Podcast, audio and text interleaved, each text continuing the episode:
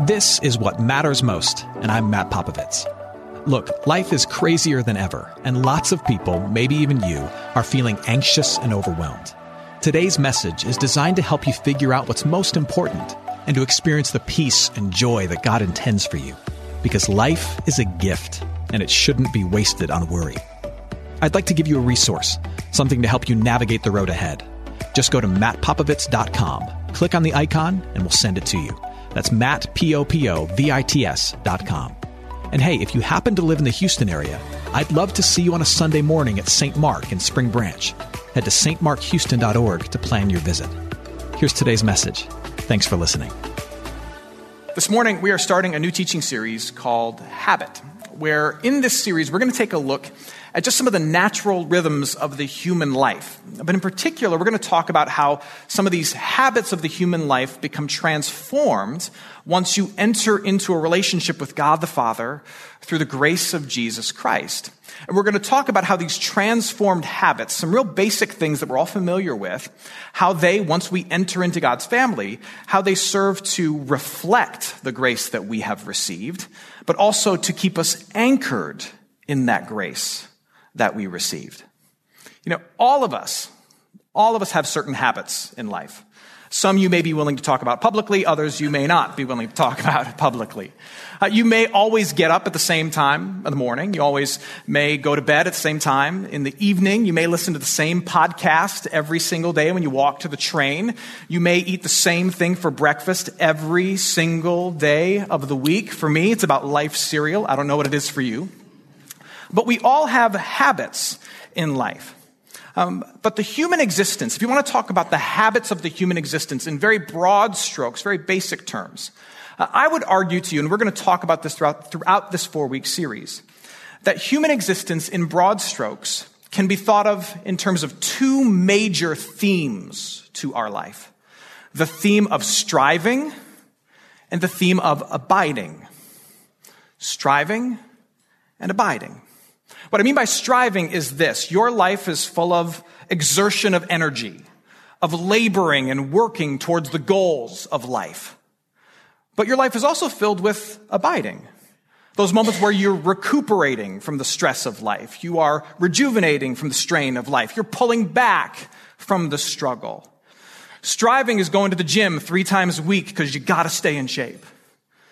Abiding is sleeping in on Saturday if you can.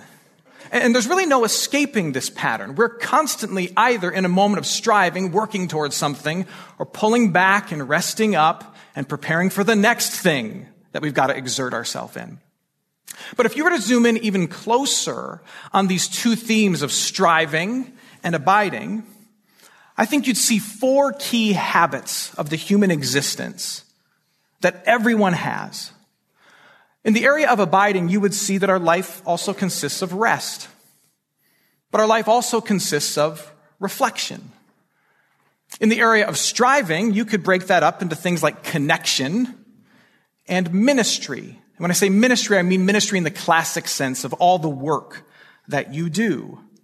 Uh, if you look at rest, rest is sleeping and eating and vacationing. You do that in life every once in a while. Reflection, reflection is the moments where you're pondering, you're wondering, you're praying, you're meditating. You do that ever so often. A connection is relationships and intimacy, the people that you love and that you pour your best out for and that you receive from. And ministry is the work that you do, the ways in which you give back to this world, to your kids, to your coworkers, and to your church. Ministry is achieving. And everything that we do as human beings, you could argue, fits into one of those areas. And throughout the typical day of your life, you're bouncing back and forth between striving and abiding, between rest and connection and ministry and reflection. And if you're like most people, there's one of those four categories that you tend to lean into the most. If you've ever been accused of being a really thoughtful person, a reflective person, well, maybe you spend a lot of time in reflection. If you've ever been accused of being an obsessive workaholic, maybe ministry is your thing, constantly doing. Or if you're a relationship person, you have to be around people who pour energy into you connection is where you tend to spend your time.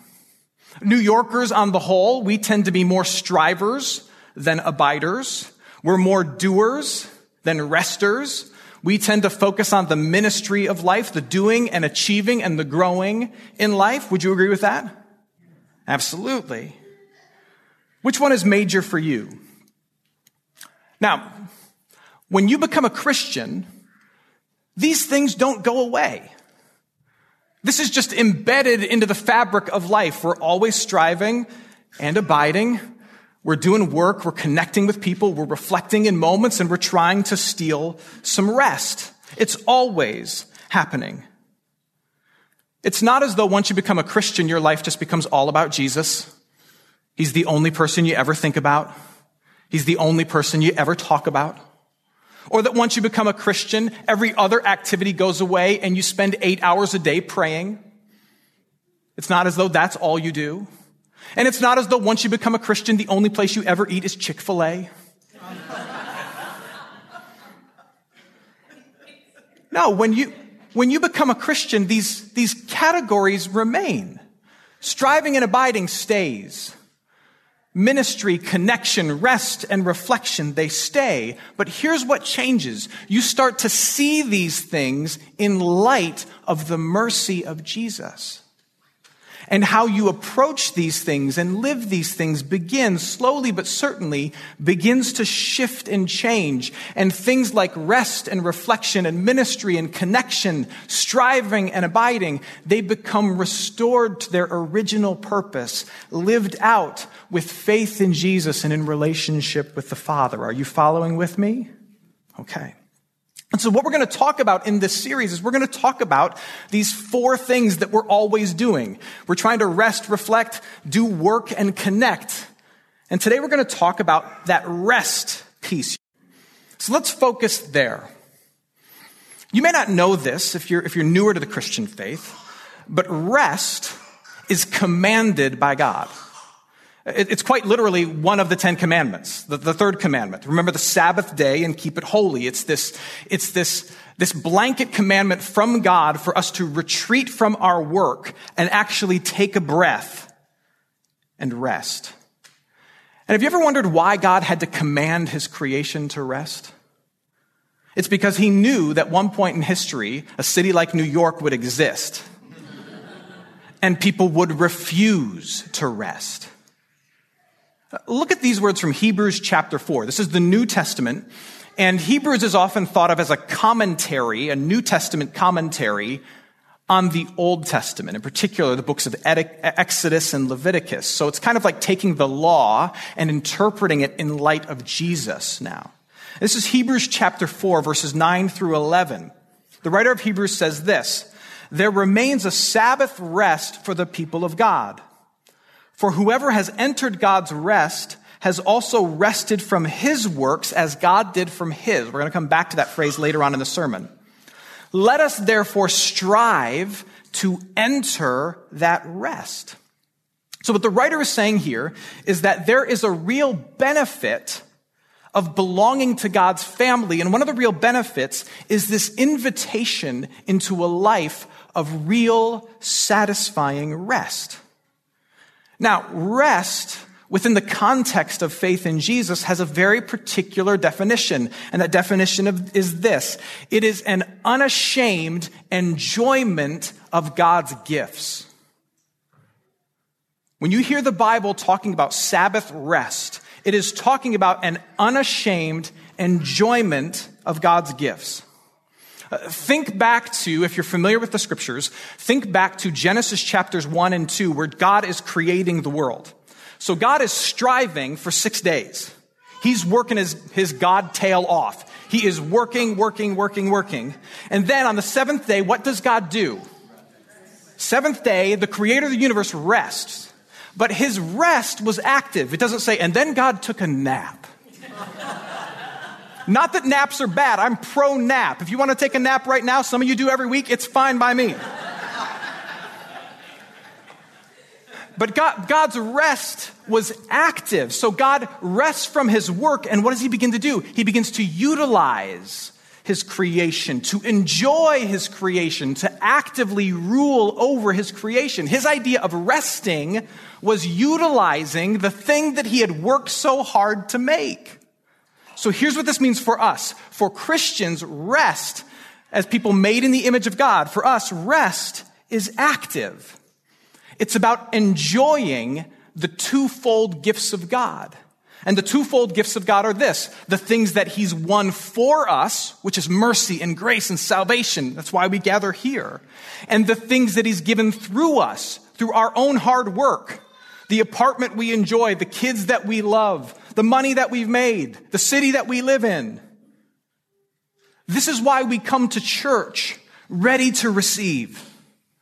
It's about resting actively in the gifts of God that He's given to us. We come to church saying, Give me some grace, Pastor Matt. It's why Christians have encouraged one another throughout the centuries to carve out time, not simply to strive to put clothes on your kids' backs, but to actually take time to enjoy the place where you live, to laugh with your kids, to walk in this city. Let me ask you this, metaphorically speaking, when was the last time you drove the car? And by that I mean you simply enjoyed the fruits of God's hands, the gifts that He's given to you through Jesus, and He gives through you through your own hard work with no agenda, no strategy. You just enjoyed. For some of us who've been given a hard work ethic, that can be really hard to do. We can feel guilty for any kind of enjoyment. Abiding is bad in our framework, and striving is good. It can be hard for us. Do you know that rest is not just an escape from work, but it is a reflection of your faith? that when you rest and enjoy the gifts of God, it is pleasing to God. Did you know that? You're not a bad person for enjoying the things He's given you with no agenda other than to enjoy them. And that's really it. I mean, when we, when we talk about rest for the Christian, it is about intentional, guilt-free enjoyment of the work of God's hands, forgiveness, and the work of our hands, the people, the places, and the things that we strive so hard to have. Uh, the Christian view of rest, if you really think about it and you really start to embrace it, the Christian view of rest is a rebellion against human instinct and cultural expectation.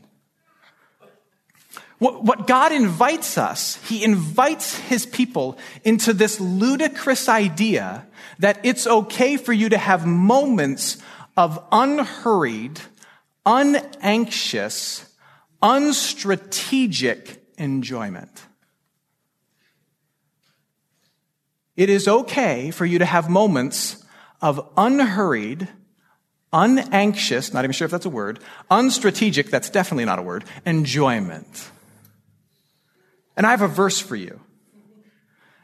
The third psalm, uh, it's written by David. It's written by David in a moment where, where he's on the run for his life. King David had King Saul running after him. And so David is running in the wilderness trying to stay alive. And there are literally armies coming after him, looking for him, trying to find him and kill him. And so David writes this psalm as he's on the run, reflecting on his experience because he was kind of a poet and an artist and a hippie as well as a king. And so he wrote this poem and, and, and listen to what he says. He says, Oh Lord, how many are my foes? Many are rising against me. Many are saying of my soul, there is no salvation for him in God. But you, O Lord, are a shield about me, my glory and the lifter of my head. Now listen to this. I cried aloud to the Lord and he answered me from his holy hill. I prayed and God gave me peace. I lay down and slept. I woke again, for the Lord sustained me. I will not be afraid of my, of many thousands of people. I'm going to say that again. I will not be afraid of many thousands of people who have set themselves against me all around me. This, my friends, is a picture of ludicrous, faith-filled rest that cuts against culture and logic and, and conventional wisdom. David is surrounded by his enemies and armies are coming after him. It is time to plan. It is time to worry. It is time to hurry and to strategize. What does David do instead in this particular moment? Not every moment, but in this particular moment, what does David do? He prays and then he what? He takes a nap. He, is so confident in the Lord's goodness that in the face of true urgency, he believes he still has the freedom to rest. I hope you're enjoying today's message.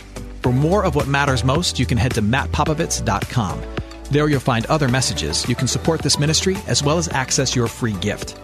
Oh, and if you're looking for a local church and you live in Houston, come and see what's happening at St. Mark Houston. To plan your visit, head to stmarkhouston.org. Thanks for listening, and back to today's message.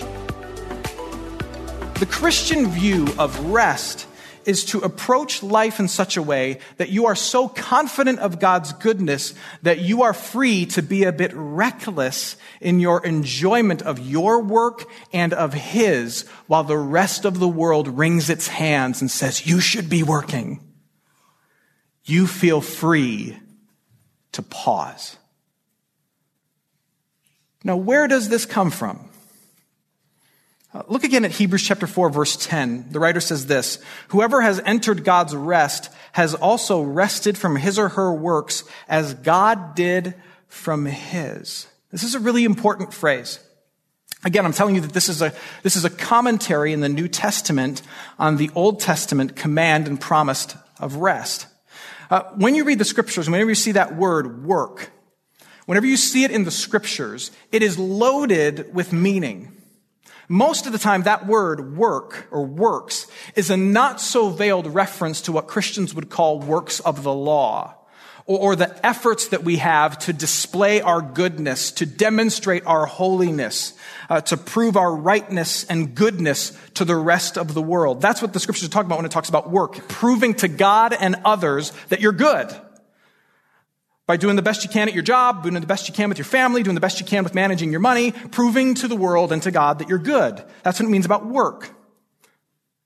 But that word work also has a, a legal connotation to it. It's this idea of, of compiling evidence in your favor to prove the case of your goodness in the court of public opinion. That word work is legal in that sense. It's about doing the best you can in life, striving relentlessly to build a case in your defense to prove to God and others that you are a good person. And all of your striving is building the case, building the case, building the case so that in the end you will not be found guilty of being less than an incredible person. Yet when the writer of Hebrews talks about ceasing from work, he's talking about doing more than taking a day off. He's talking about something deeper. Here's what the writer of Hebrews is talking about. He's talking about as you enter God's family through grace in Jesus Christ, he's talking about ceasing forever from your efforts to compile a case for your own goodness. He's talking about resting in here, in your heart, from the relentless drive to prove your worth to the rest of the world. And the reason you can rest from that relentless effort in your soul is because of the work of Jesus Christ. It's because of the message that in Jesus Christ, the case for and against your goodness is closed. The case for your goodness is closed. Because Jesus Christ presented his own life and his death, his own holiness, his own goodness, his own work, his own striving as evidence in your defense, and the verdict has been rendered. You are acceptable in the eyes of God. The case is closed. There is Sabbath rest for you because your goodness has been proven by Jesus Christ. The writer of Hebrews is saying you can enter this rest of knowing that the case is closed. You have nothing to prove. God accepts you through the work of Jesus Christ. So as the Father rested and enjoyed, you too can live at rest and in moments enjoy. That's the deeper peace. Do you believe that the answer is yes, you are good and acceptable in the eyes of the Father through the work of Jesus Christ? Do you believe that? And if the answer for you is yes, then there is this spiritual exhale because there is nothing left to prove. That's what this conversation about rest is really about. I'll close with this. There is a rhythm to the life of God's people, and it looks a lot like the rhythm of everybody else. We bounce back and forth from striving, working really hard, to abiding. We go from rest to reflection to ministry to connection. We do all these different things. And I want to invite you to let the rest that you have in here through Jesus Christ to be reflected with greater intentionality out here in how you live your life with your hands. I want to encourage you to come to church not out of obligation, but expectant, ready to receive from God and to offer Him nothing in return. I want to invite you to go from this place, wherever you go from this place, and with no guilt, enjoy the work of your own hands, to drive the car, so to speak. And as your pastor and your friend, I encourage you to bring accountability to me in this. Just because I can teach this doesn't mean I'm any good at living this. Because I really struggle with taking the rest I have in here and letting it be reflected in moments of abiding and resting out here. But here's what I do know, and here's what I'm learning thanks to incredible people like my wife. That moments of rest promised by God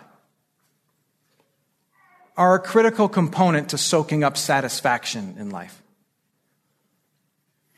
You, know, you and I, and especially I, I wrongly think that the jewels of life, the things that I'll really treasure, are, are this big prize that's going to be handed out at the end for having worked the hardest and done the best. But that's not true. The truth is that the things that we really treasure in life are small, but they're beautiful.